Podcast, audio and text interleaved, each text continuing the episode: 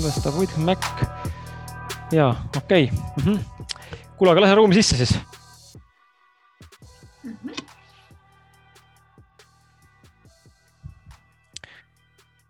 ja halloo, tere, tere, tere, tere tulemast, tere tulemast. vaata, kui vahva, äh, vaikselt rahvas jõudis ruumi. meie oleme siin valmis juba ähm, nagu ikka, tšau, tšau, tšau, tere tulemast kuulama siis ja vaatama podcast'i ausad mehed äh, webinari sarja Rahast äh, lage. Äh, Mindseti muutus rikkaks.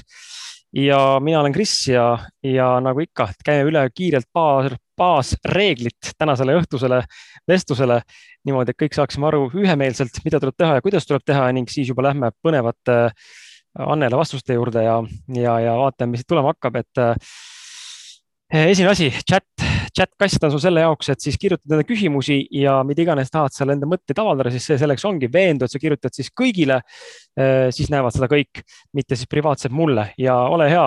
Mm, kirjuta praegu juba mulle siia, kas sa kuuled ja näed, eh, kas pilt töötab, Annela, liiguta ennast korra ja vaata, kas kõik, kõik funkab, eks ole, kas eh, näete ilusti meid.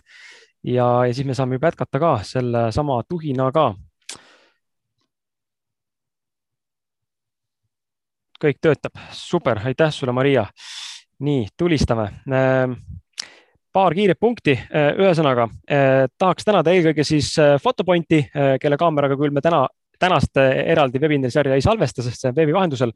aga eelnevates osades on Photopoint oma kaameravarustusega abiks olnud ja järgnevates ka. samuti täname Vitamin Well Eestit, tänu kellele siis meil on mõnusad joogid siin kõrval, minul on pudel siin täitsa kõrval olemas, kaamera võib-olla ei suuda fikseerida, sest mul on pandud background uduseks ja Annela, sulle tuleb, kui me sinuga näeme nüüd siin lähiajal, siis ma toon sulle kotikese ka.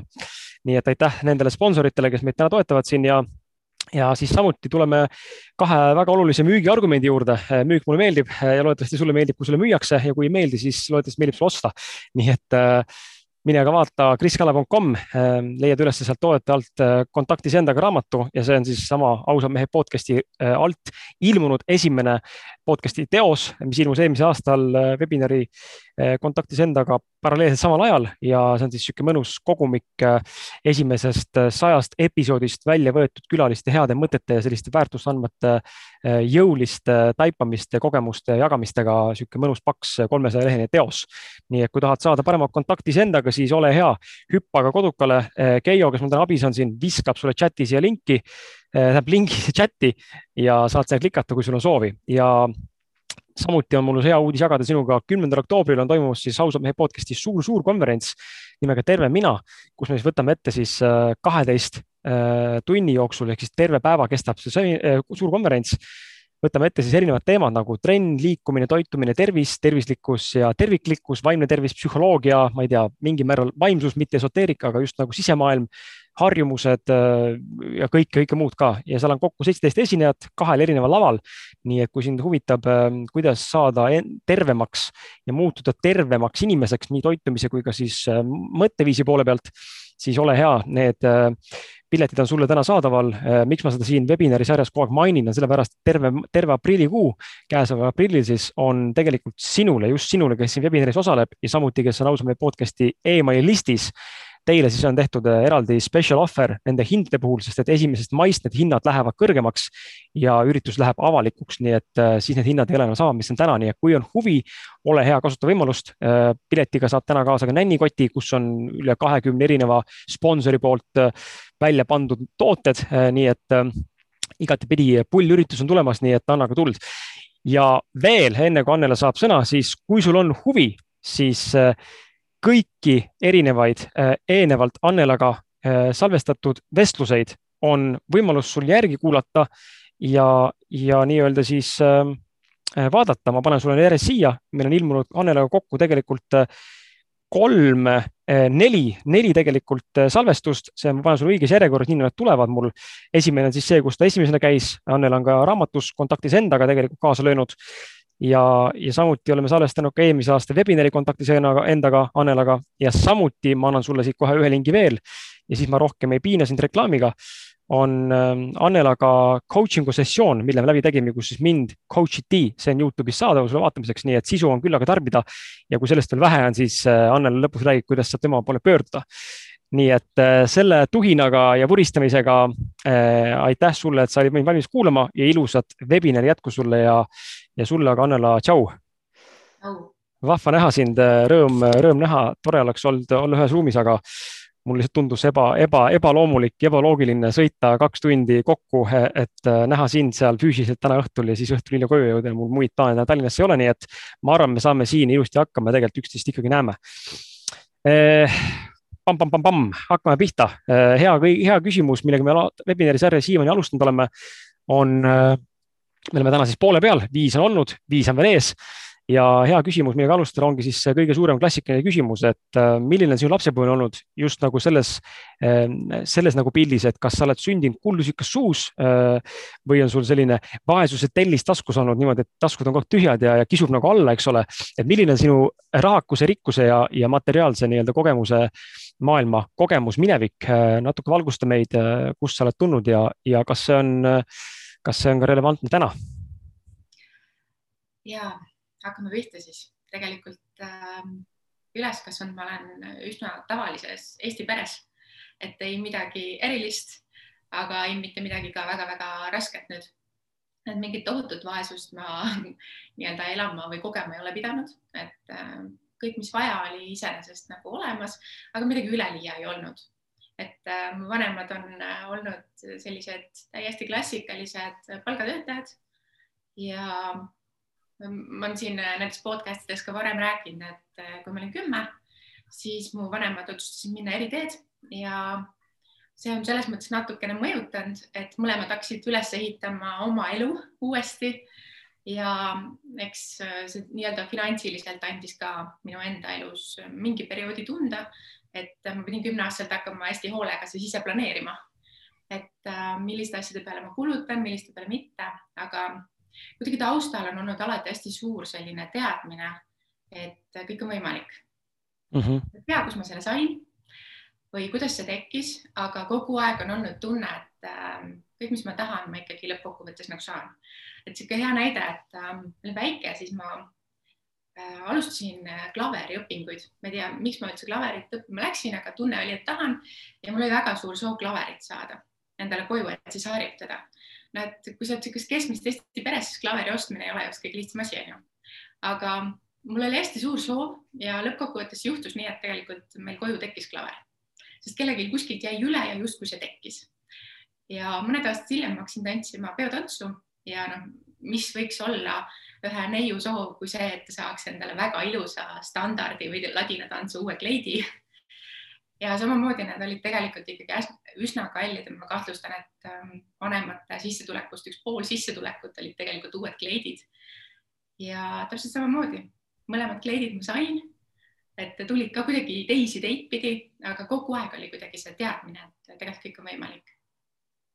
et äh, midagi üle ei ole olnud, aga, aga niisugune mindset mingil põhjusel taustal on olnud andke teada chatis, oleme interaktiivsed, küsimusi, küsimusi, küsime küsimusi ja, ja, ja vastame ja mõtte, anname enda mõtted edasi ka, vahetame mõtted, et äh, sulle ka hea, hea vaataja, hea kuulaja, kuidas sul on, kas äh, see, mis Annel praegu ütles, just nagu selles kontseptsioonis, et ähm, on selline usaldamine alati olnud, et kõik on võimalik, kas see on sinus sees olemas või see on midagi, mille sa oled endasse täna tekitanud või pigem on see täiesti võõras teema?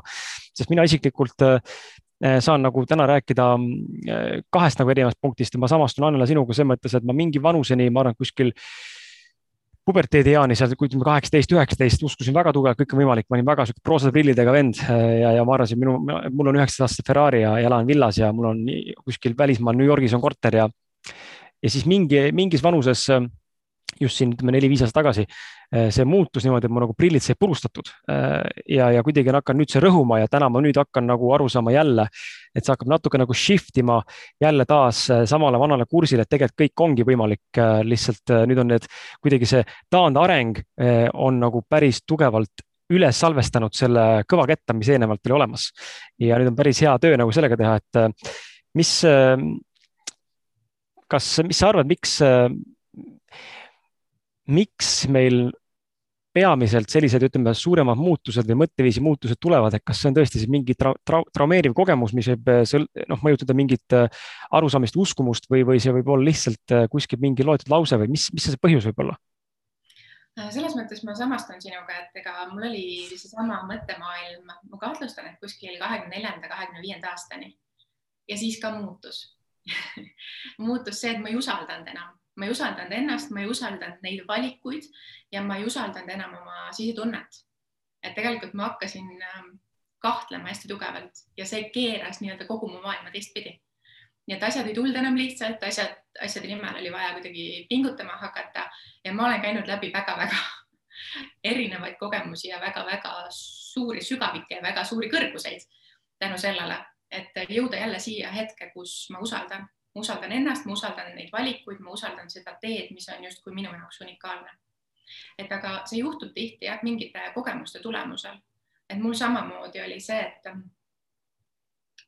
Äh, võib-olla siis üks lugu on ju enne, et mi, kuidas ma jõudsin selleni, et see usaldus ära kadus, oli tegelikult ühe hästi suure unistuse täitumine, ehk siis ma mäletan, ma olin kuusteist ja ma ei tea, miks ma otsustasin, et enne kahekümne viiendat eluaastat ma tahan saada miljonäriks mm. -hmm.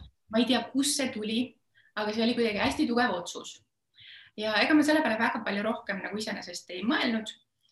ja juhtus selline lugu, et ähm, ma olin siis vist kakskümmend, ma kahtlustan.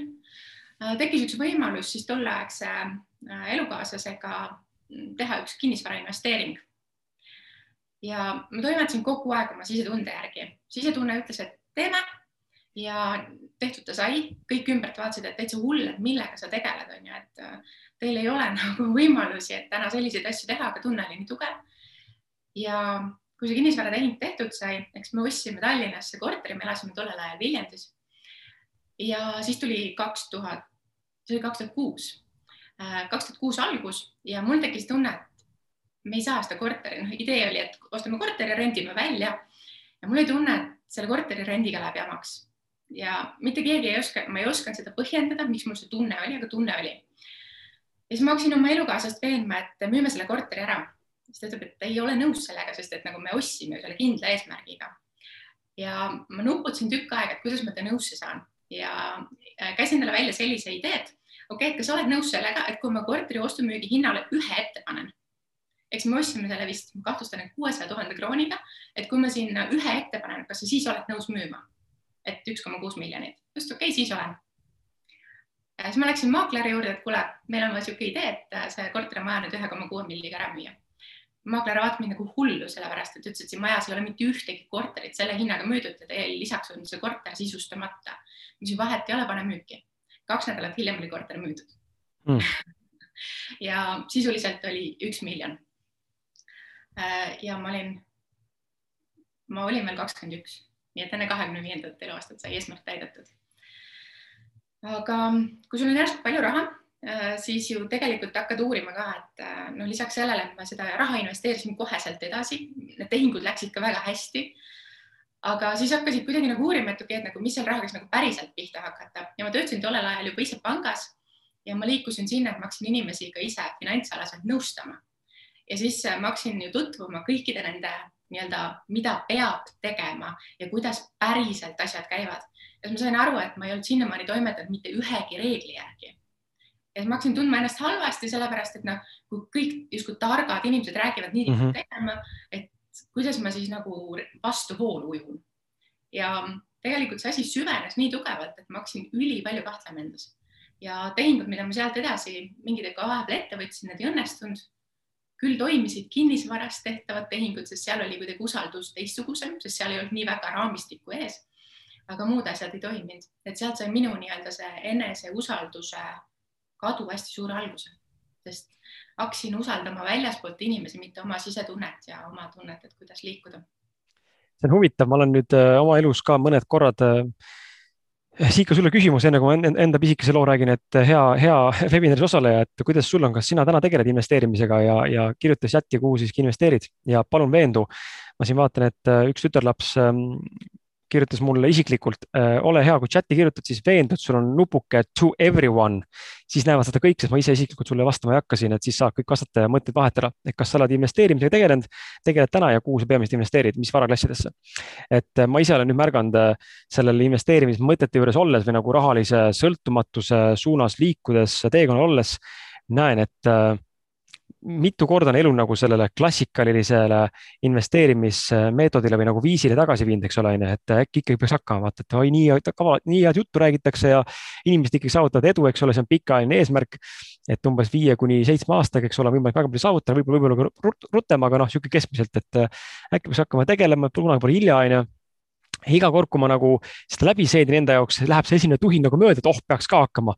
ja hakkan süvenema, siis ma tunnen, mul nagu hakkab nagu selles mõttes hästi tugevalt sisetundega hakkab nagu vastuollu see, et see ei ole see, mida ma tahan tegelikult teha, mul ei paku see üldse huvi ja, ja ma näen täna, mis mul huvi pakub, on nagu krüpto on ju, mitte siis nagu klassikaline aktsiad või, või mingi kinnisvara, midagi muud. et see on hästi huvitav, kuidas tegelikult läbi enda võimalik tunnetada, mis on sulle ja mis ei ole sulle, on ju, ja, ja kuidas tegelikult selles valdkonnas nagu navigeerida, et sina, sina lähtusidki tegelikult väga palju enda sisetundest ja, ja nendest klassikalisi reegleid vaadates siis tekkis see tunne, et äkki ma teen midagi valesti ja mul on ka tekkinud vahepeal see tunne, et äkki ma siis ei jõuagi mitte kuskile, sest et ma ei, ma ei tee nagu nii, nagu kõik teised teevad, aga see ei ole alati nagu tõde ja et mitte, et see halb oleks selles suhtes, et on inimesi, kellele väga hästi sobibki see ette antud justkui mudel, et äh, kuidas nii-öelda investeerida.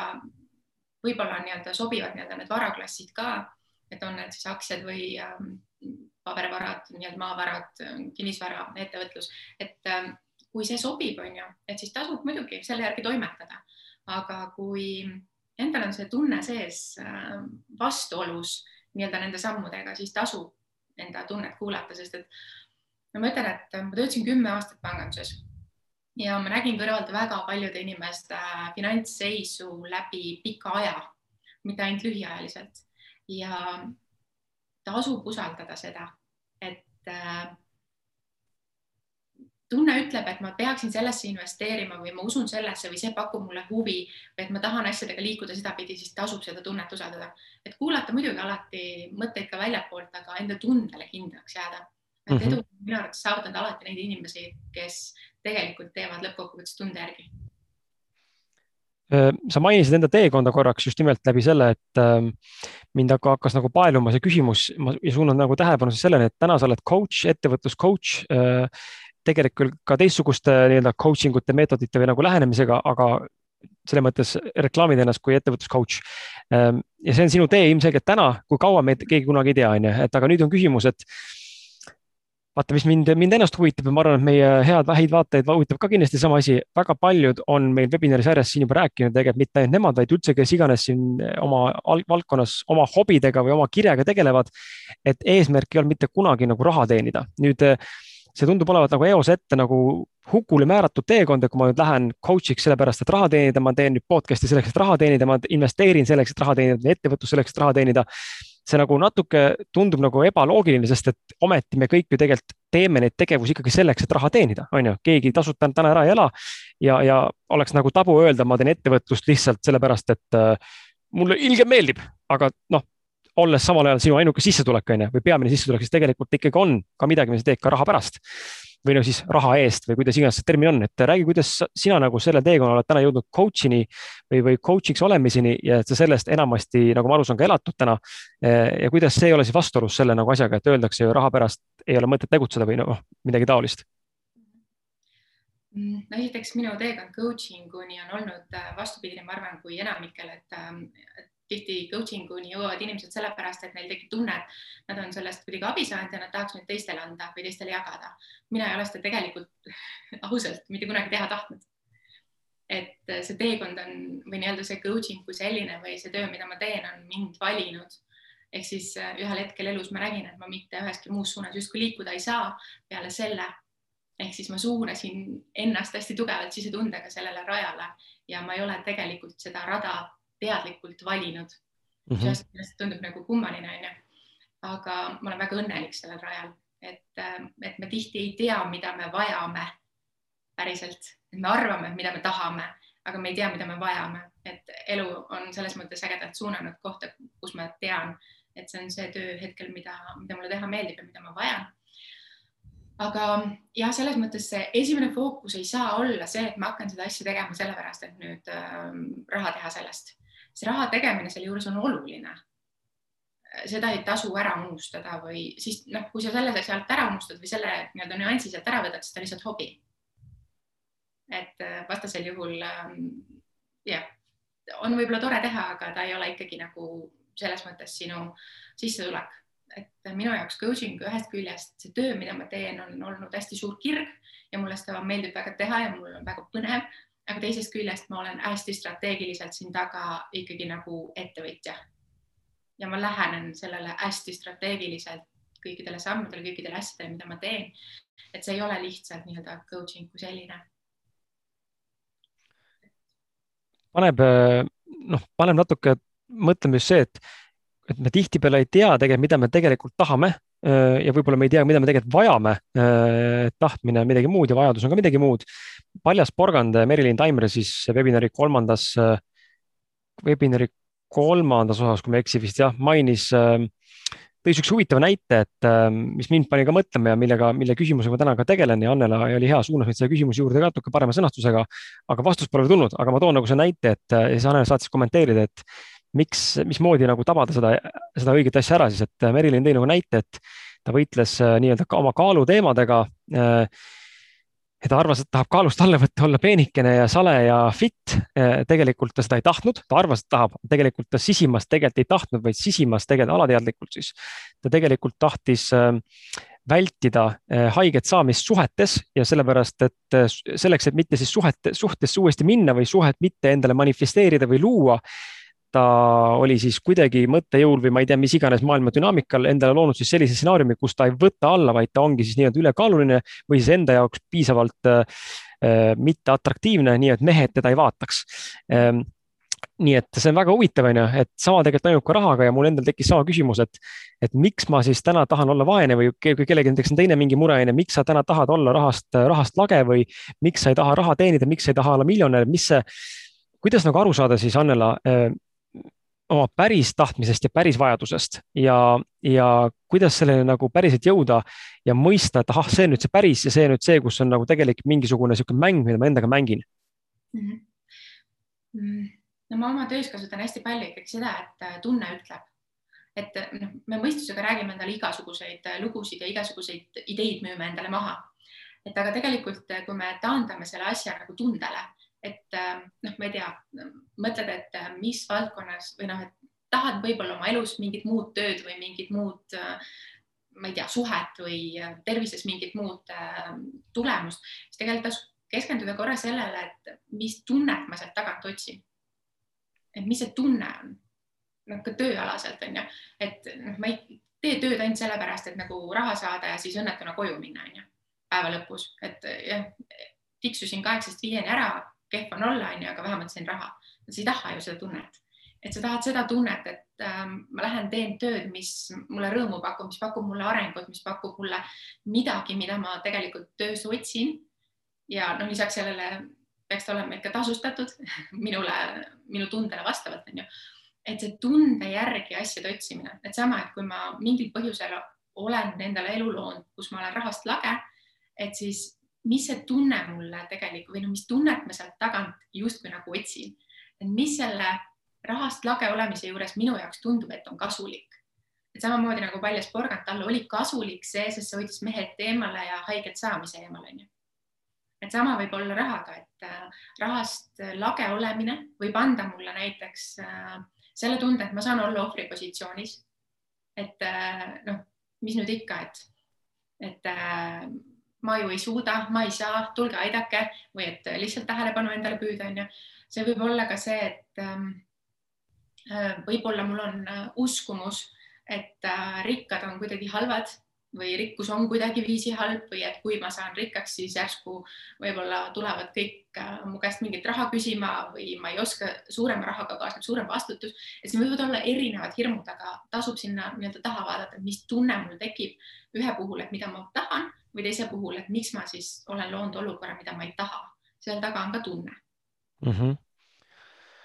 okei okay. ähm,, tuleme korra eh, hüplikult sellest teemast natuke, natuke, natuke, natuke nagu spetsiifilisemaks just nagu raha osas, et ähm, kuna eesmärk on seda eh, rahalise ümber või raha ümber olevat mindset'i mõtteviisi ikkagi muuta selle webinari jooksul või vähemalt anda mingisuguseid eh, soovitusi ja mingisuguseid guideline'e, kuidas seda muuta või kuidas seda paremini mõista ja kuidas seda teise nurga alt näha, siis räägi, kuidas sina täna nagu seda raha mõistad ja mõtestad, et milline, millise nagu tähenduse sa oled sellele andnud ja, ja mida oskad siis tänastele inimestele, osalejatele siin soovitada.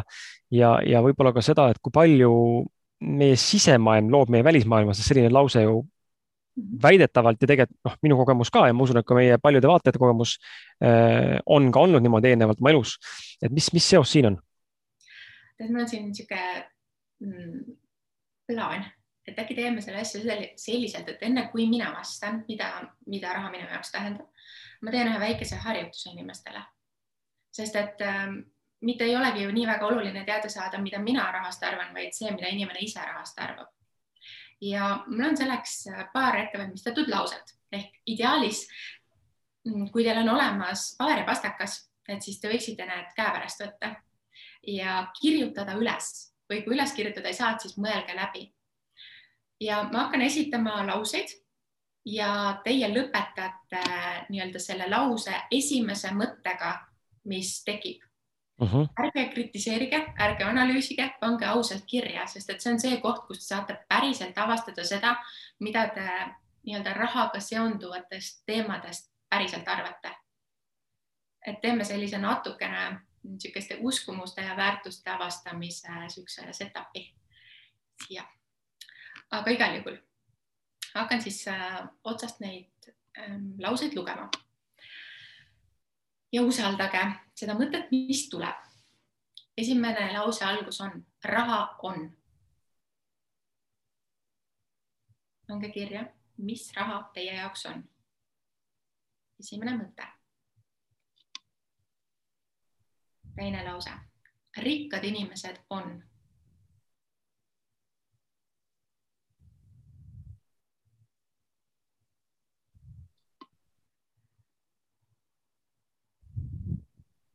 kolmas lause, et siin on natukene variatsioon, et üks lause variant, et valige endale see, mis teiega hetkel nii-öelda resoneerub. üks lause on see, et ma ei ole finantsiliselt seal, kus ma olla soovin, sest. ja teine lause on see, et ma olen finantsiliselt seal, kus ma olla soovin, sest. sõltuvalt sellest, kas sa oled seal või ei ole seal.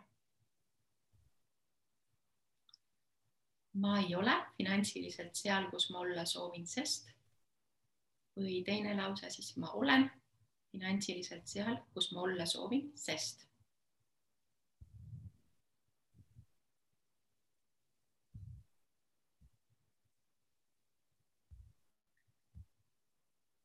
siis järgmine lause, ma olen raha küllust rikkust väärt, sest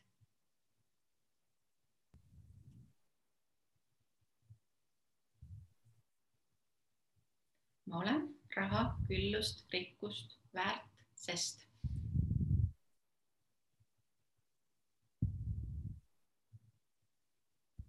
väga-väga soovitan kaasa teha ja kaasa mõelda, see aitab teid tohutult. järgmine lause on raha teenimine, loomine on, valige ise, kumb sõna kõnetab, kas raha teenimine või loomine on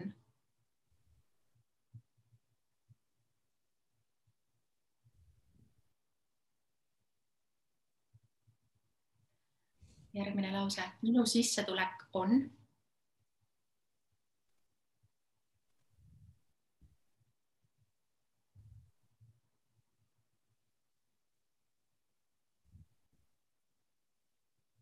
järgmine lause on rikkaks saamiseks peab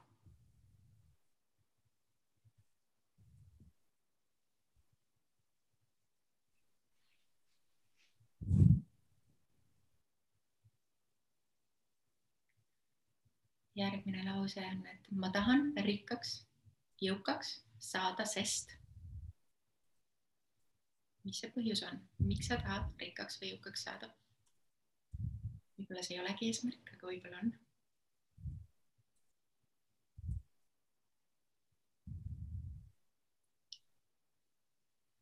järgmine lause, mulle meeldib raha, sest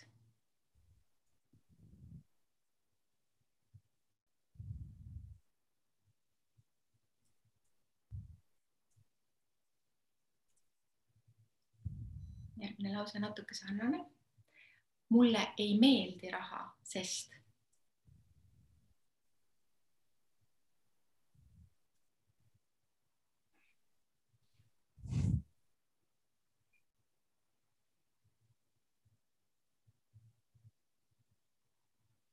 järgmine lause on finantside haldamine on finantside, siis raha haldamine on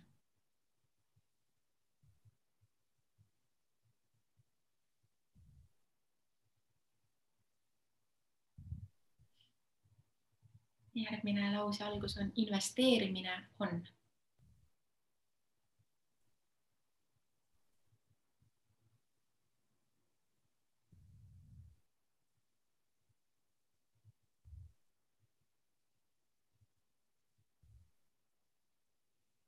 järgmine on, et mulle on raha vastuvõtmine. mulle on raha vastuvõtmine.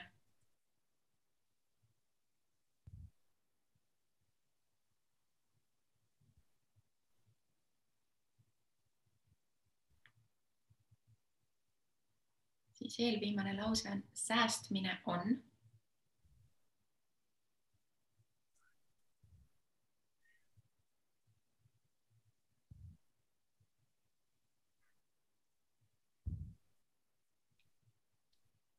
Ja viimase lausena siis selline, et minu hetke finantsiline seis on mulle kasulik, sest minu hetke finantsiline seis on mulle kasulik, sest proovige üles leida, mis see kasu tundub teile seal olevat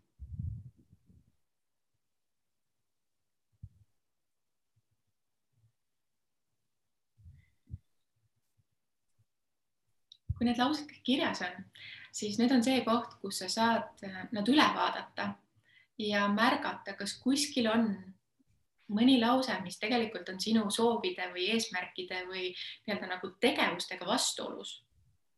Sest need on sellised, me enne rääkisime, on ju alatead-, alateadlikud sellised mõtted või uskumused, mille me kuskilt kaasa oleme korjanud et meil võib justkui olla nagu strateegia paigas, et me teame küll, mida tegema peab, ma ei tea, et loome raha ja säästame ja investeerime ja, ja nii edasi, onju. aga kuskil maal läheb asi lappesse või kuskil maal asi ei tööta. Et siis see on üsna selge märk tihti sellest, et äh, meil on mingi konflikt sees, me usume midagi vastupidist sellele, mida me tahame. Ja et see on hea koht, kus lihtsalt läbi selliste lausete, eriti kui neid kiiresti kirjutada ja panna esimene mõte kirja, me tegelikult märkame, et kus on midagi, mis nii-öelda meie jaoks ei toimi. et jagage chati, väga äge oleks kuulda, et mis te nagu saite, et kas te nägite ka mingeid kohti, kus, kus märkasite, kuidas Kris sul läks, et sa mõtlesid kaasa, onju? ja ma kirjutasin kaasa ka, et äh, ma võin lühidalt neid ette lugeda siit, aga neid lakkama lahkama ei hakka, aga mul on kaks errorit äh,, mida ma ei suutnud jälle, ei suutnud nagu kuidagi, millega oli raske. esi, esimene see, et raha on jõud äh,, rikkad inimesed on lahked äh,. kolmas on siis see pikem lause, kus oli see variant äh,, täiesti blank, tühjus äh, ei tule vastust, äh, sees on mitte midagi, isegi mõistus ei tooda ühtegi erinevaid variante, siis äh, ma olen raha küllust rikkust väärt, sest ma loon väärtust ja aitan teisi. raha teenimine ja loomine on meeldiv, minu sissetulek on viiskümmend tuhat. Eh, rikkaks saamiseks peab ennast usaldama. Ma tahan rikkaks, jõukaks saada, sest see pakub mulle vabadust. mulle meeldib raha, sest sellega saab head teha. mulle ei meeldi raha, sest kolm punkti, vastust ei ole. Finantside haldamine on igav, investeerimine on raske. Mul on raha vastuvõtmine keeruline, säästmine on koonerdamine ja minu hetke finantsiline seis on mulle kasulik, sest ma pole valmis. päris hea, avastasid päris palju. Jah, et äh, see viimane vastus ei meeldi mulle eriti, aga, aga, aga see tuli, aga aga see tuli. aga tasub enda vastu aus olla, et äh, ma sinu puhul ka alati hästi imetlen seda, et äh, tegelikult selline endaga aus olemine nagu päriselt asjade otsa vaatamine on see koht, kus midagi saab üldse muutuma hakata. et kui me pead liiva alla peidame, siis see ei aita meid mitte kuidagi nii et mida ausamad ja ehedamad me enda vastu oleme, isegi kui me oleme iseendale nii-öelda seda kannatust ja jama põhjustanud, siis ikkagi seda otsavaatamist tuleb teha, sest see aitab muutuda. ja absoluutselt. Väga lahe, äge harjutus, kas seda harjutust äh, saab kodus inimesed ise teha ka või selleks peab olema keegi, kes alati neid lauseid küsib, mitte et sa loed maha ja siis täiendad? ei pea, et äh, tavaliselt äh, oma klientidel tihti, kui on mingis valdkonnas nagu selline blokeering, siis ma tegelikult soovitan teist harjutust, mida võivad inimesed ka pärast proovida, on see, et äh, ma vist olen sinu kaasale Liisele ka soovitan seda, onju, et äh, võtta lihtsalt, panna taimer endale käima, on selleks siis viis või kümme minutit ja kirjutada kõik mõtted, mis näiteks rahaga seoses sulle tulevad, äh, kirjutada need lihtsalt paberile, ükskõik mis, et investeerimise, säästmise, kulutamise, raha loomise, kõige kohta. et lihtsalt panna niimoodi järjest kirja ja siis äh, seda hiljem analüüsida, et aga neid samu lauseid tegelikult võib vabalt nii-öelda kordades ja kordades teha ja avastada, tegelikult saab igakordselt erinevaid asju, sest vahest mingid mõtted tulevad mingi teise või kolmanda korraga mm. -hmm. ma panen selle kirja. see tuleb teile ka emaili see info, et kuidas seda teha siis, aga ei, väga lahe, see oli väga harjutus, jagage jah siia chati ka, et ma korra piirun ka, et inimesed ilusti jagavad, et no vot, väga hea, ei väga lahe, väga lahe, et ähm, raha vastuvõtmine võõras, keegi kirjutas, nägin seal, et äh, jah ähm,. tuleme korra selle ühe maailma nagu paradoksi juurde, mis puudutab siis raha ja üldse sellist nagu raha olemust, et äh, vaata, selline lause on olemas, ma ei tea, kas see on nüüd metafüüsika reegel või see on lihtsalt füüsikaline reegel või see on kvantfüüsikaline reegel, seda ma ei tea, on ju, või see üldse midagi veel enamat, multidimensionaalne füüsika reegel või on üldse pseudo ma ei tea, aga väidetavalt see, mida sa paaniliselt ja klammerdunud taga ajad, jookseb eest ära. ma arvan, me kõik oleme seda elus kogenud erinevates valdkondades, olgu ta siis suhe, tervis, raha, ma ei tea, töö, auto, mis iganes veel, onju, see läheb eest ära. et äh, mi, miks see paradoks on nii reaalne ja, ja miks see seadus paistab vettpidavat olevat ning mismoodi seda siis lahendada?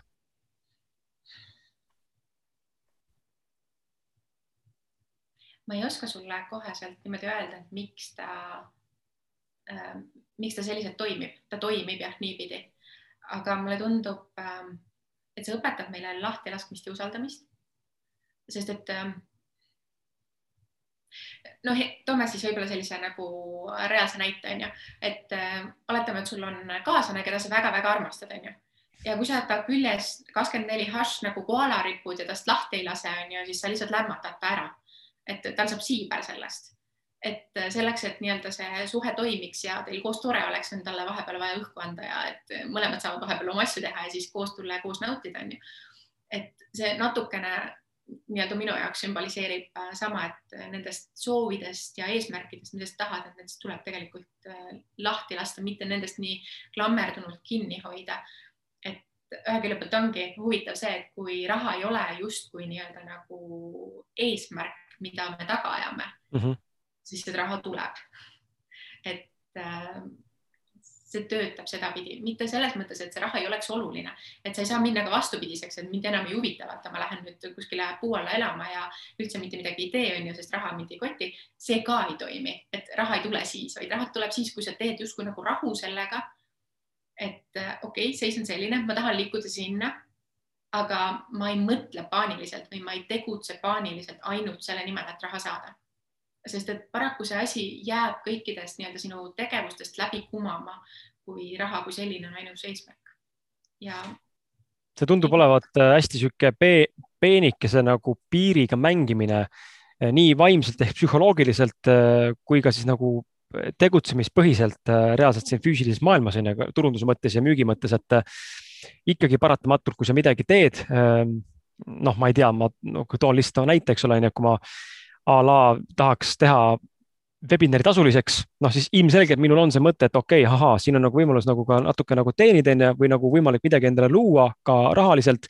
aga nüüd on siis küsimus, et kus on see piir, kus mul muutub see selleks, et ma olen nüüd klammerdunult ja, ja ma keeran selle totaalselt webinari ees oleva webinari nii-öelda tuksi, mis tegelikult oleks võinud olla vapšee, ma ei tea, missugune suuremeelne üritus on ju.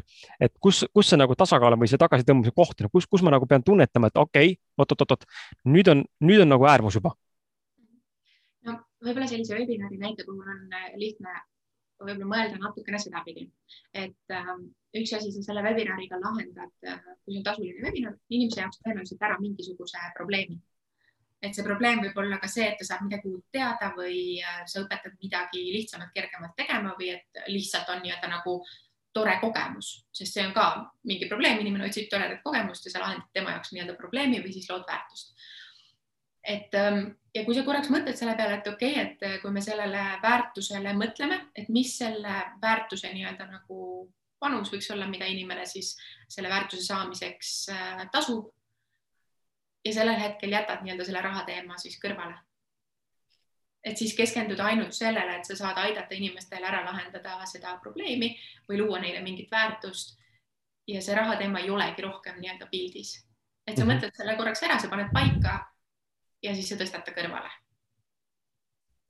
Lihtne teha äh,, lihtne öelda, raske teha, on ju, nagu ikka öeldakse erinevate asjade peale, et kuidas teil head, head webinari osalejad on, et kas see, kas see küsimus on nagu ka sinu elus relevantne klammerdumine ja millegi tagaajamine ja selle piiri nagu tunnetamine või, või pigem ei ole ja sa super hästi manageerid ja kui super hästi manageerid, siis ma ootan sind oma tiimi ja mulle appi, et mina olen siin, siinkohal natuke nagu kukun sinna eh, klammerdumise poole peale, nii et see on jah, väga huvitav. aga ma võib-olla vastan nüüd su küsimusele, mida tegelikult sa küsisid enne, kui me selle harjutuse juurde läksime, et mis raha minu jaoks tähendab uh. Mhm. -huh. et siis ähm, mul on olnud rahaga hästi erinev suhe ja, aga täna me oleme sellises suhtes temaga, et äh, tema on minu jaoks lihtsalt vahend, tööriist, millega ma lihtsalt toimetan ja teen seda, mida mulle teha meeldib mm. -hmm. et äh, mitte ainult siis nii-öelda nagu isiklikus elus, vaid tegelikult ka ettevõtlusalaselt ta võimaldab mul teha järgnevaid uh, huvitavaid asju ette võtta on ju, pluss järgnevaid uusi põnevaid ettevõtmisi käivitada, et ta on lihtsalt nagu tööriist, et tal ei ole mingit tohutult suurt tähtsust minu jaoks. ta on väga oluline, aga, aga ta ei ole nii-öelda nagu esmane minu jaoks esmane alati on see tunne, mida ma nende asjade tegemisest või, või ähm, kogemustest saan. et see on nagu olulisem. Ähm, aga, aga raha on olnud mingitel hetkedel minu jaoks väga-väga oluline ja ma tean hästi seda klammerdumise tunnet. et äh, ja sellisel juhul asi läks järjest keerulisemaks lihtsalt mm. -hmm. mida rohkem me klammerdume, seda kaugemale kõik läheb või seda keerulisemaks kõik läheb et tuleb jõuda sinna punkti, kus, kus ma julgen natukene lahti lasta sellest. siin chatis äh, käis läbi korra seesama äh, raha äh,.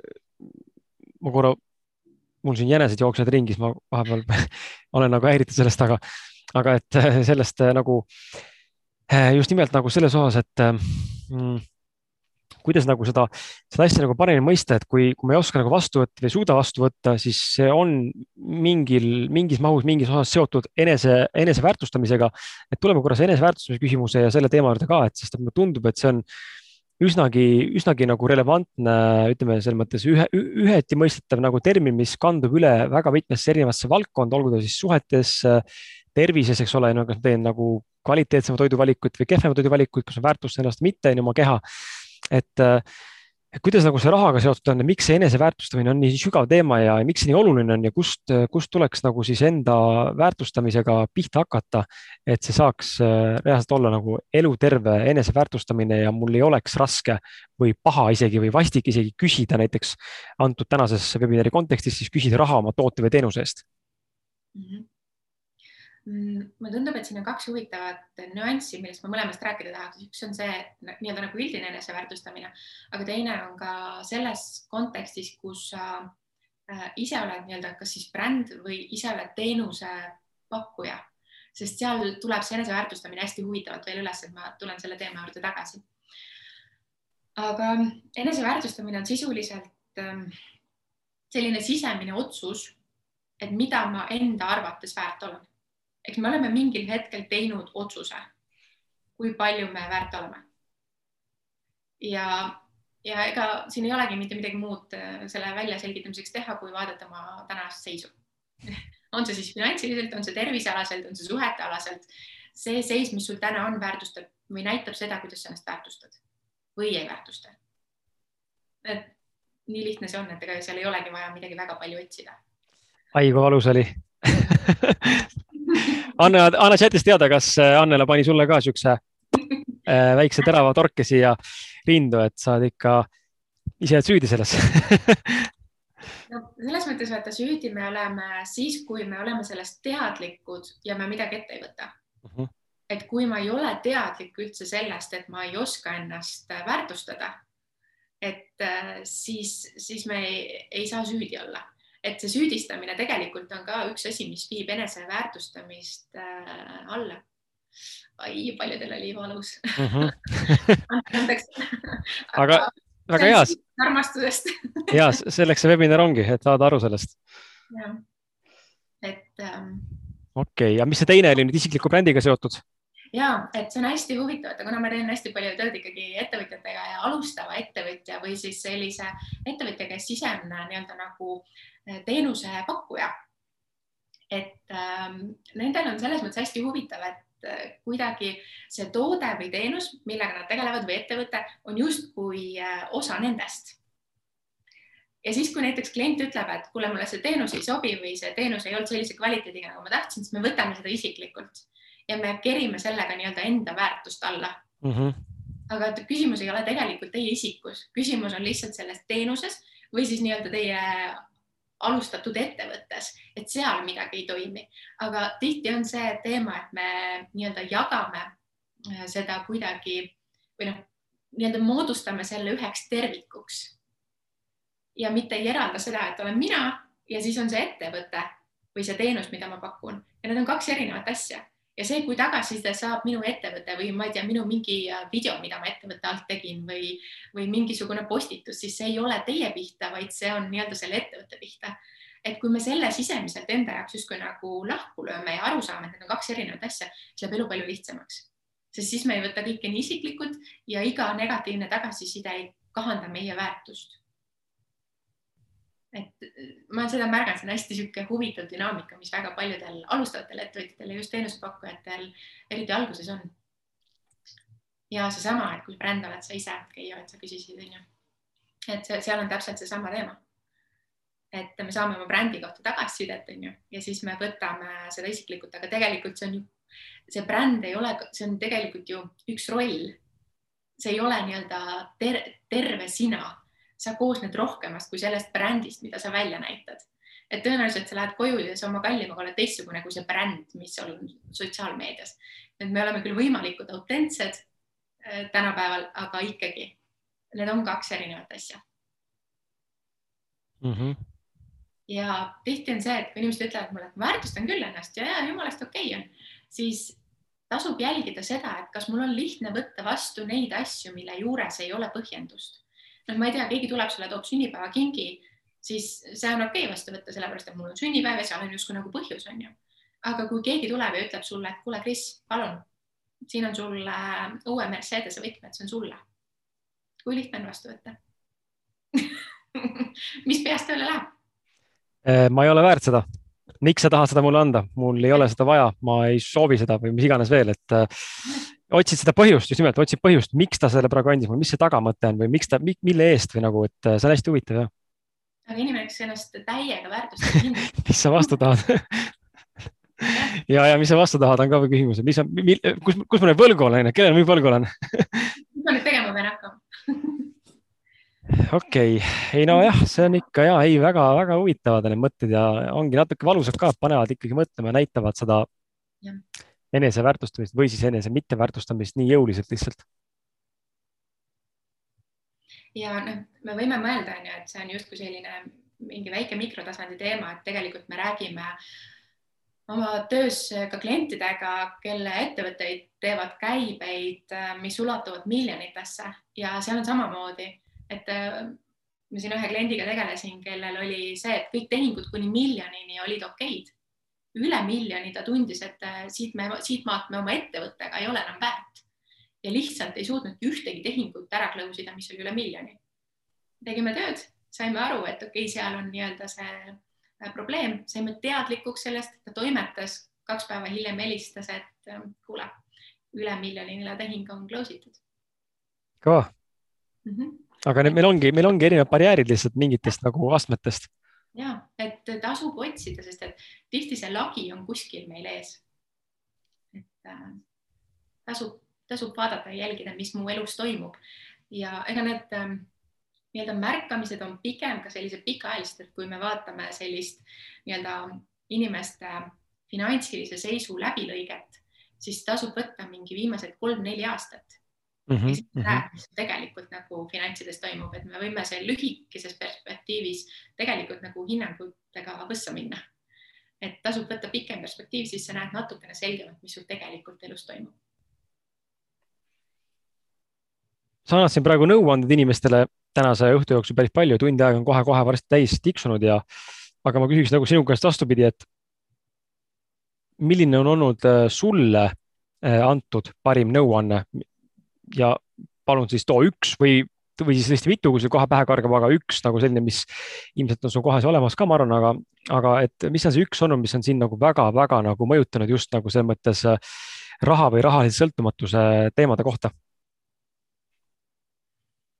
mm,?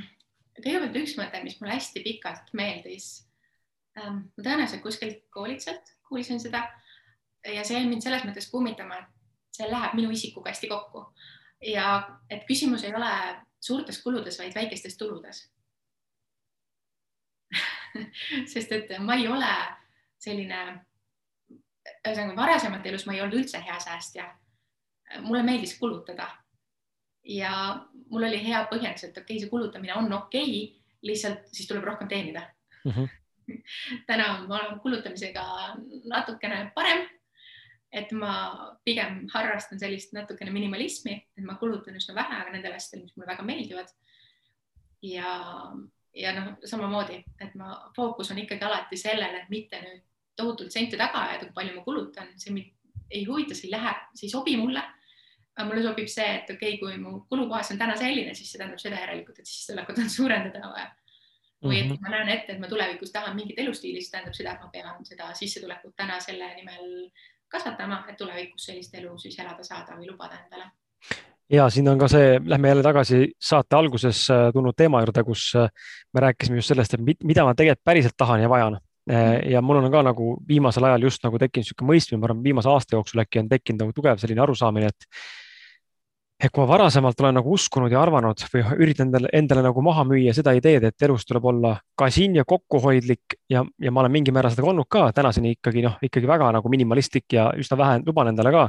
Pole ka vajadusi väga palju, aga ikkagi näen, et on kohti, kus ma tegelikult olen andnud ka järgi, onju, sest et ei ole võimalik või on kahju nagu osta ja pigem panen kas naise või lapse esikohale siis ja, ja siis ma nagu olen pikalt uskunud seda, et tuleb võimalikult vähe kulutada, et siis nagu saad hakkama, seda kõik soovitavad ka vii oma kulud alla ja siis saad oma viiesajast eurosest äh, sissetulekust panna kakssada kõrvale, onju, noh, et ela, söö makarone, onju, ja ära maksa üüri, onju.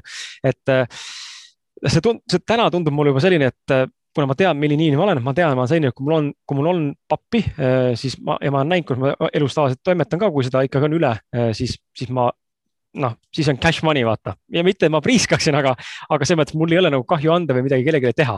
Või endale osta midagi, mis annab mulle kogemuse või mingisuguse ägeda nagu elamuse ja täna ma näen, et on tugevalt hakkabki tekkima sama asi, et kui ma tahan mingisugust elustiili ja sellega kaasnevad vastavad kulutused, mis pakuvad mulle vastavat vabadust või vastavat mugavust mm, -hmm. siis ma lihtsalt pean rohkem teenima, mitte hakkama ennast tagasi tõmbama selle juures, kus ma tegelikult olla tahan. et, eh, et ei tuleks sisse see piiramine, siis, ma lähen jälle vastuollu iseendaga ja olen tegelikult õnnetu ja, ja konfliktis ja, ja võib-olla üldse lõpuks eh, ei lase luua endale seda, mida tegelikult elu tahab luua. et ma endise finantsnõustajana tegelikult ju soovitasin ka kulusid jälgida, kõike seda teha. et aga see sobibki teatud tüüpi inimestele, et on inimesi, kellele see hullult hästi sobib ja ta jälgibki oma igakuiseid kulusid ja teab täpselt, kus, mis, kui palju ta kulutab. noh, mina tegin enda jaoks lihtsalt üks hetk selle otsuse, et äh, fine, mu kuukulutuste summa võib olla see, mille peale ma selle summa ulatuses kulutan, laias laastus vahet ei ole, aga ta võiks jääda sellesse piiresse mm. -hmm. et siis minu jaoks piirangud või nii-öelda nagu sellised raamid ei toimi. et ma hakkan nende vastu sisemiselt võitlema, sest ma olen hästi suur rebel sisemiselt, ma tahan kohe nii-öelda igasuguseid piiranguid ja reegleid murdma ja painutama hakata. et see mulle lihtsalt ei toimi. aga teine mõte on veel, et mis mind tegelikult viimasel ajal hästi palju aidanud on või kuidas ma nii-öelda raha teemale lähenen ehk siis äh, palju räägitakse finantsvabadusest ja selline, et saavutada finantsiline sõltumatus ja kuidas seda saavutada ja kõik see. ja ma jõudsin üks hetk arusaamiseni, et see ei ole minu jaoks eesmärk mm. -hmm. ja põhjus, miks see minu jaoks eesmärk ei ole, on see, et äh, kui ma enda äh, nagu sees tunnetan, siis minu jaoks see finantsilise sõltumatuse saavutamine tuleneb natukene nagu hirmust lähtuvalt mm. -hmm ja ma mõtlesin, et okei okay,, et kui see tekitab minus niisugust tunnet, et see tuleb hirmust lähtuvalt, et mis selle asemel on. ja siis ma jõudsin sinna, et ähm, minu jaoks hetkel on olnud viimased paar aastat olulisem see, et ma kasvatan endas seda usaldust ja seda tunnet, et ükskõik mis, ma tean, et ma suudan luua endale need sissetulekud, mida mina vajan. ja kui mul on sees see tunne ja kindel teadmine ja veendumus, et no matter what, vahet ei ole, ükskõik, mis mu ettevõtte finantsiliste seisude ja varadega juhtub, ma tean, et ma suudan nullist ennast täiesti üles ehitada.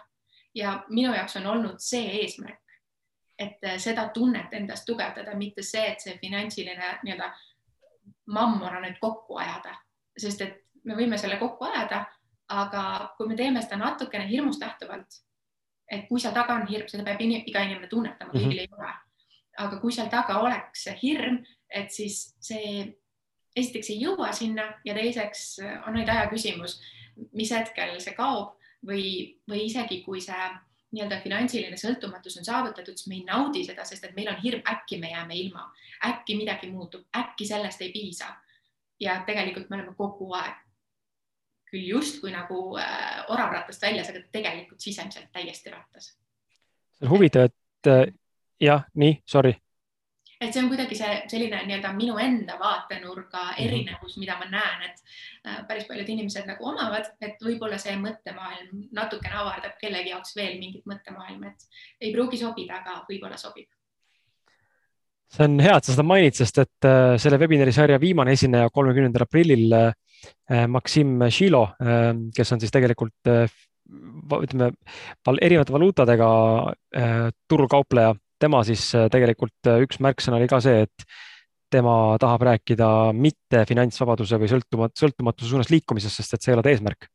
nii et äh, sa ei ole ainukene seda mõtet saame veel kuulda, võib-olla tal on mingi muu põhjendus, eks ole, või selgitus, aga ta käis ka selle välja, et ta ei taha seda saada. nii et väga huvitav ja aitäh sulle selle, selle jagamise eest, et see on ja midagi sellist jälle, mis on vastuoluline, noh vastupidi, vastu noh, ütleme suuremale või enam, enam, enam, enamusele nii-öelda, et enam ikkagi tahavad saavutada seda asja mingi põhjusel siin ongi see koht, et küsida, miks ma seda tahan mm. -hmm. mis seal taga päriselt on, kas seal taga on nii-öelda selline inspiratsioon ja soov ja see tekitab minus elevust ja põnevust, siis on, anna minna nii-öelda pane gaas põhja ja anna minna. aga kui seal taga on mingit sorti see, et mul on siis turvalisem või mul on siis eh, parem või, või seal on mingi hirm, et noh, et vastasel korral, ma ei tea mm,, ei ole õnnelik või või ka paljudel, mida, mida ma oma töös tihti kuulen, et ma küsin, mis nii-öelda on see eesmärk, mis te saavutada tahate äh, finantsiliselt, siis äh, mõningad inimesed ütlevad mulle vastu, onju, et äh, ma ei taha oma elus tööd teha. või et noh, et ma tahangi finantsiliselt vabaks saada, et ma ei peaks mitte midagi tegema enam no.. ma ei tea mitte ühtegi inimest, kes finantsilist nii-öelda vabadust saavutanud on, kes mitte midagi ei teeks mm. -hmm. Nad jõuavad sinna sellepärast tihti, et nad teevad midagi, mis neile meeldib et mõned üksikud võib-olla siis, kes, kes saavutavad ja siis ei teegi midagi, aga enamasti on need inimesed, kes ikkagi teevad kirega seda, mida nad tahavad mm. -hmm. tuleme, tuleme sellise natukene, ma mõtlen, kui mul on kolm küsimust jäänud, mis tähendab seda, et hea armas vaataja, kuulaja, osaleja, sul on võimalik esitada küsimusi, mis siin vahele või siis pärast minu kolme küsimust lisatakse juurde. Äh, nii et anna ka tuld, kui sul neid küsimusi tekkinud on vahepeal. ma küsin su käest niimoodi, et äh, me rääkisime rahalisest sõltumatusest ja, ja nagu sellest, et sa tegelikult oled olnud ka krooni miljonär äh, täna ma ei tea, kas sa oled euromiljonär või mitte, oled sa sinna teel, on su see eesmärk mitte, eks ole, aga ilmselgelt oled sa täna pigem nagu ma aru saan, rahalises sõltuma-, rahalises äh, sõltumatuses äh, voolav äh, persoon. seega minu küsimus sulle on see, kuidas on see sind mõjutanud? et kui sa vaatad nüüd nagu tagasi mingile perioodile, kus äh, sa ei olnud rahaliselt sõltumatu äh, ja täna näiteks oled, siis, siis kui, mis see nagu kõige suurem muutus on, mis on toimunud nii-öelda siis ütleme välises pildis justkui nagu, et elada on kergem, eks ole, ja sisemises pildis ka, mis on nagu muutunud siin, mida see nagu kaasa toonud või andnud ja mismoodi ta on ta nagu mõjutanud või midagi tugevdanud? Mm, see on huvitav, vaata, et lause eeldus on see, et äh, sisemine muu-, või et nagu väline muutus tõi kaasa sisemise muutuse mm. -hmm. tegelikult on see, et enne muutub sisemaailm mm, -hmm. siis muutub välismaailm. et enne peab sees tekkima nii-öelda nagu rahu, rahu sellega, et äh, isegi see seis, kus ma olen ja kui see on, ütleme ausalt sitt onju, siis ma teen rahu ka sellega, et hetkel on nii ja ma ei võitle selle vastu. ja see on paganama keeruline koht, kus olla, sest et tundub, et kui ma siin nüüd ütlen, et fine, ma olen omadega nagu kõrvuni pasas ja see on fine, et äkki ma siis ei liigugi siit välja. aga vastupidi, kui me seal aktsepteerime, et tänane seis on see, mis ta on. me teeme sisemiselt sellega rahu siis saavad asjad hakata muutuma. et ähm, nii-öelda see kõige suurem muutus minu sees on olnud see, et ma olen teinud rahu nende valikutega, mis võib-olla on viinud mind keerukasse kohta, sest ma olen hästi riskialdis ja ma olen elus tohutult palju riske võtnud. ja need ei ole alati kõik ära tasunud. selles mõttes, et finantsiliselt ja ma olen tänu sellele olnud väga keerukates kohtades, aga see on olnud fine ja ma ei ole süüdistanud ennast selle eest, sest ma olen teadnud, et nagu vastupidine ei oleks ka minu jaoks lahendus olnud mm. -hmm. ja kui me teeme rahu sellega, siis asjad lähevad kuidagi liikuma. ma ei oska öelda, aga välismaailm hakkab muutuma. ja kuna sul sees on niikuinii rahu, siis väljaspoole tekib ka rahu. hea, hea tähelepanek et ei, see vastupidine ei käi, me tahame vastupidi mm. -hmm. see on sama, onju, et ma usun küll, et asjad lähevad lihtsaks, et kõigepealt elu näita mulle, et asjad on lihtsad ja siis ma usun. noh, niipidi ei käi, kahjuks et asjad käivad sedapidi, et ma pean kõigepealt uskuma ja nii-öelda lahti laskma ja siis asjad liiguvad. anna teada, hea vaataja-kuulaja chatis, kuidas sul on, kas sa oled, kumma dünaamikaga sina töötad, kas sa ootad välismaailma esimest sammu või teed sa ise esimese sammu? Ehm, võtan siia nüüd eelviimase küsimuse natuke selles mõttes ähm, ütleks vaimsema küsimuse, äh, vaimsema maailma küsimuse või esoteerilisema küsimuse mm. -hmm. ja siis lõppu jätame natuke positiivsema äh, raamatu soovitused, aga küsimus on see, kas, kas see vastab tõele, et raha, materiaalsus ja rikkus on seotud isa liiniga või konkreetselt meie suhtega enda isadega või isaga. ja kui see vastab tõele sinu kogemusena või, või informatsioonina, mis sa täna oled omandanud või millest sa täna aru saanud, siis miks see nii on? et miks just isaga on see seotud ja kas see on seotud ainult meestel isadega või on ka naistel samamoodi? Kui nüüd jah vaadata võib-olla siis natukene sügavamatele tasanditele või kihtidele kui lihtsalt see füüsiline äh, nii-öelda keskkond ja meie enda uskumused ja mõtted, siis ähm, seal on väga tugevad paralleeli äh, selles osas, et see isaliin, olgu me siis mees või naine, see mõjutab meid. Ja miks ta mõjutab, on see, et kui me vaatame isa või isa sümbolit nii-öelda lapse seisukohast, siis see on ju keegi, kes nii-öelda kaitseb, keegi, kes hoiab, keegi, kes pakub perele nii-öelda seda, mida pere vajab, hoiab ja on nii-öelda selline nii-öelda asjade materialiseerija või looja. ema on see, kes loob tunde, ema on see, kes jagab armastust, hellust, hoolt ehm, siin nüüd ei ole seda nii-öelda üks-ühele, et ma ei tea, kui mu selles mõttes, et ühe külje pealt ta on nagu päriselt otseselt seotud ka meie nii-öelda päris isaliiniga, aga see võib olla ka äh, selles mõttes, kui meid kasvatab näiteks hoopis keegi teine, siis tegelikult see on ka meie jaoks isa figuur sellel hetkel. Ja tegelikult tema nii-öelda käitumine, me võtame selle üle, sest lapsena me õpime maailma tunnetama läbi oma vanemate. Ja see, kuidas me näeme, kuidas vanemate vahel dünaamika toimib või ei toimi, siis me teeme sellest omad järeldused. ja kui meil on nii-öelda võib-olla eeskujuna, mitte halvas mõttes, aga selles mõttes, et võib-olla nõrk isa, et ta ei ole selline tugevas mehe energias, ta ei ole nii-öelda terves mehe energias, ta on nõrk, ta on võib-olla mm, ise haiget saanud, onju, siis me õpime sealt seda, et me ei saa ka tegelikult nii-öelda justkui selle enda sees oleva meesenergia peale loota. Sest et ta, meil on eeskujuna see nii-öelda nagu nõrk isa kuju. ja samamoodi võib olla see, et äh, nii-öelda teistpidi, et äh, kui ema ei ole selline avatud südamega ja ei jaga armastust ja ei jaga hellust või hoolt või tähelepanu, siis äh, me keerame enda sees ka selle koha lukku ja me ei, ei õpi ka ennast jagama, avama, armastama, oma tundeid väljendama et me võtame jah, et lastena me lihtsalt oleme nagu svammid, me võtame kõik väliskeskkonnast, mis sealt tuleb. ja teeme sellest omad järeldused ja need järeldused võivad vahest meid aidata, vahest mitte mm -hmm,. Mm -hmm. okei okay. ja, ja okei okay,, aga lähme korra siit nagu edasi, äkki saad vastata siin mõne, mõne nagu lühikese mõttega ka, et kui me nüüd täna teadvustame, oletame, ma ei tea, kas, kui paljud teist resoneeruvad selle jutuga, olge hea, andke chatis palun teada, kui paljud teist resoneeruvad või tõesti on kogenud oma elus seda, et näiteks teil on, ma ei tea, ma oletan praegu, kuna mul endal isiklikult on, siis ma näen seal samastumist ja, ja nagu resoneerumist selle teemaga. et näiteks teil on isaga kehvad suhted või on varasemalt olnud kehvad suhted ja on läinud paremaks, kui suhted on korda saanud. või see pole üldse relevantne, aga jagage enda kogemusi, et äh, kui nüüd oletame, et seal on tõesti see seos, nüüd kuidas seda seost siis kuidas seda olukorda nagu lahendada, et, äh, et mida siis nagu teha, peaks siis äh, isaga paremad suhted looma või, või nagu täiesti aktsepteerima, et teda ei ole või, või et selline eeskuju on olnud äh, oma kõikide puuduste ja plussidega, et mida nagu siin siis teha mm,? kuna ma ütlesin ka, et meie enda sees on ju olemas ka nii mees kui naisenergia mm. -hmm. siis naised võivad olla samamoodi ju tänapäeval eriti veel nii-öelda need, kes loovad sissetulekut ja loovad perele kindlustunnet, et meie sees on kõigil olemas ja samamoodi on mehel olemas nii-öelda see naiselik pool, mis jagab armastust ja hellust ja hoolt, onju.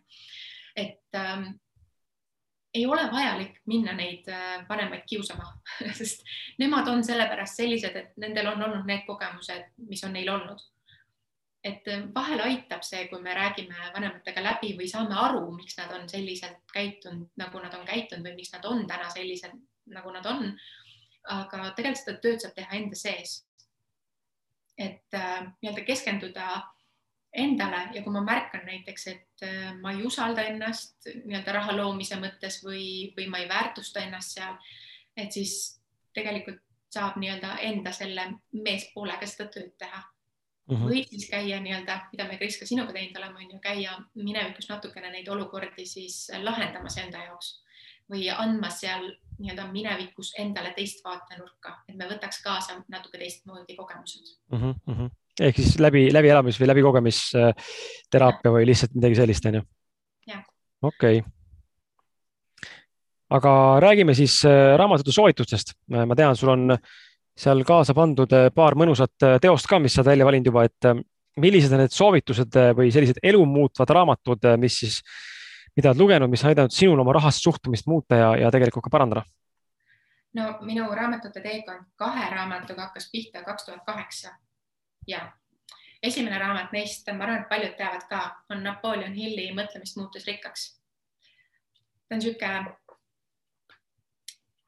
kihvt läbi lugude raamat selleks, et avastada nii-öelda just sellist äh, sisemaailma poolt mm, -hmm. mis rahadega seondub teine samast perioodist äh, raamat, mis on mind hullult palju mõjutanud ja inspireerinud, on T. Harv Ekeri Miljonäri mõtteviisi saladus. see võib tunduda esmapilgul liiga lihtne ja cheesy, ärge laske sellest ameerikalikust lähenemisest üldse mitte heidutada, et kes lugenud ei ole, siin on hästi kihvtilt välja toodud tegelikult nii-öelda sellised kahe erineva maailma mindset'id. et tasub sellega nagu tööd teha ja süveneda siin on ka igasuguseid harjutusi, mida noh, eestlastel võib-olla natuke raske kaasa teha, kuidas endale deklareerida kõva häälega igasuguseid uusi uskumusi. aga tasub katsetada, et äh, see on raamat, mida ma, need mõlemad raamatud, mida ma olen läbi töötanud, ma arvan, kolm või neli korda, sest iga kord avastad midagi uut. et äh, tasub nagu toimetada, aga minu üks viimase aja kõige lemmikumaid, ähm, mis taaskord mindset'i teema on Colin Sisson ja sinu õigus rikkusele ta on äh, niisugune rahvusvaheline koolitaja, ta on Uus-Meremaalt äh,. ta läheneb asjadele kuidagi hästi elutervelt, samas võib-olla natuke sügavamalt, aga see, kuidas ta nagu asju selgitab, on hästi lihtne ja arusaadav. et see on niisugune hea nagu mm, käsiraamat võib-olla, et siin on hästi palju harjutusi sees, mida saab kaasa teha mis tegelikult toovad kaasa enda seest nii-öelda neid erinevaid uskumusi ja, ja mitteväärtustamise ja kõiki selliseid teemasid ülesse.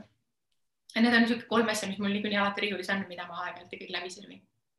väga hea, kusjuures mõlemad, esimesed kaks äh, on kodus kenasti aus mehe podcast'i siis koostööpartneri Million Mindset kirjastuse poolt raamatud seisab mul kastis, reaalselt ei ole lugenud.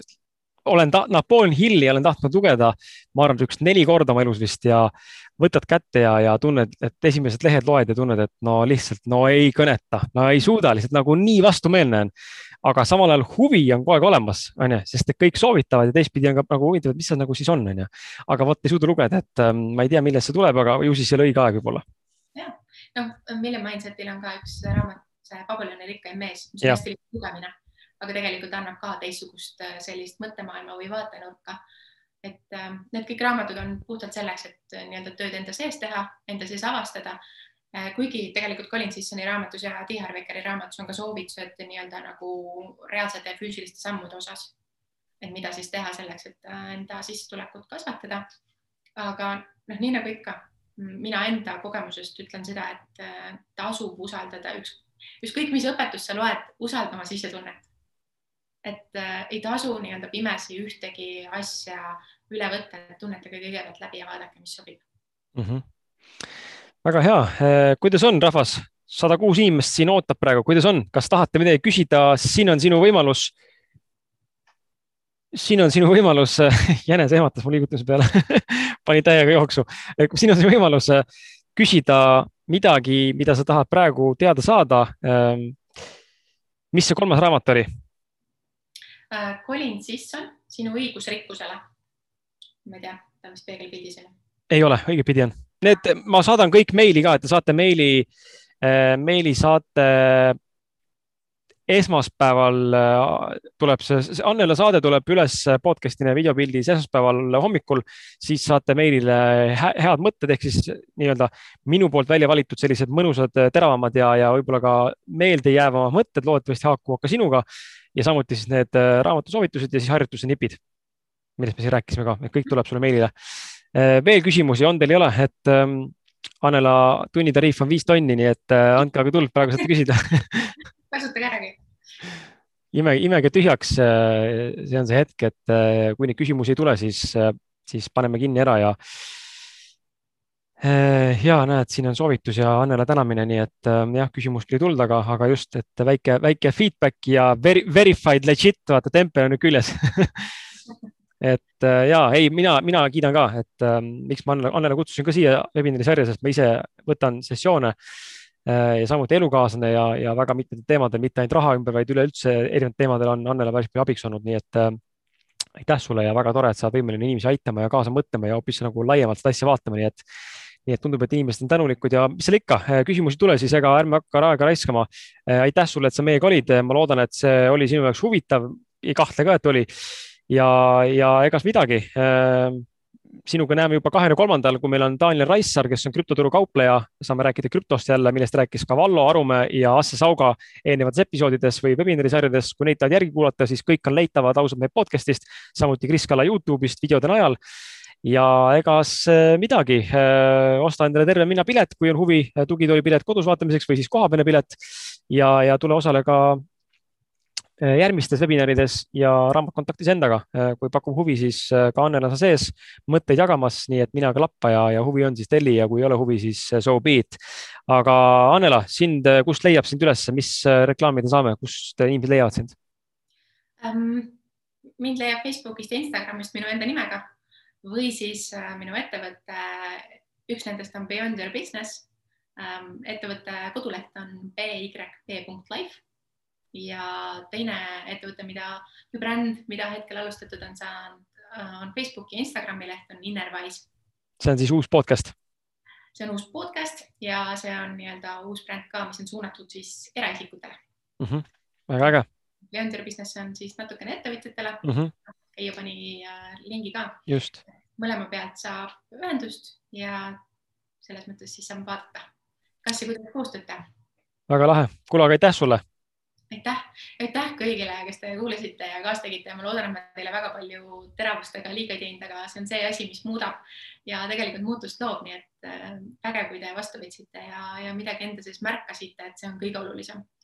Et mõtted võivad inspireerivad olla, aga kui päriselt mingi muutus käsilt kaasa sai, siis minu süda on rõõmus. just aga davai, tšau.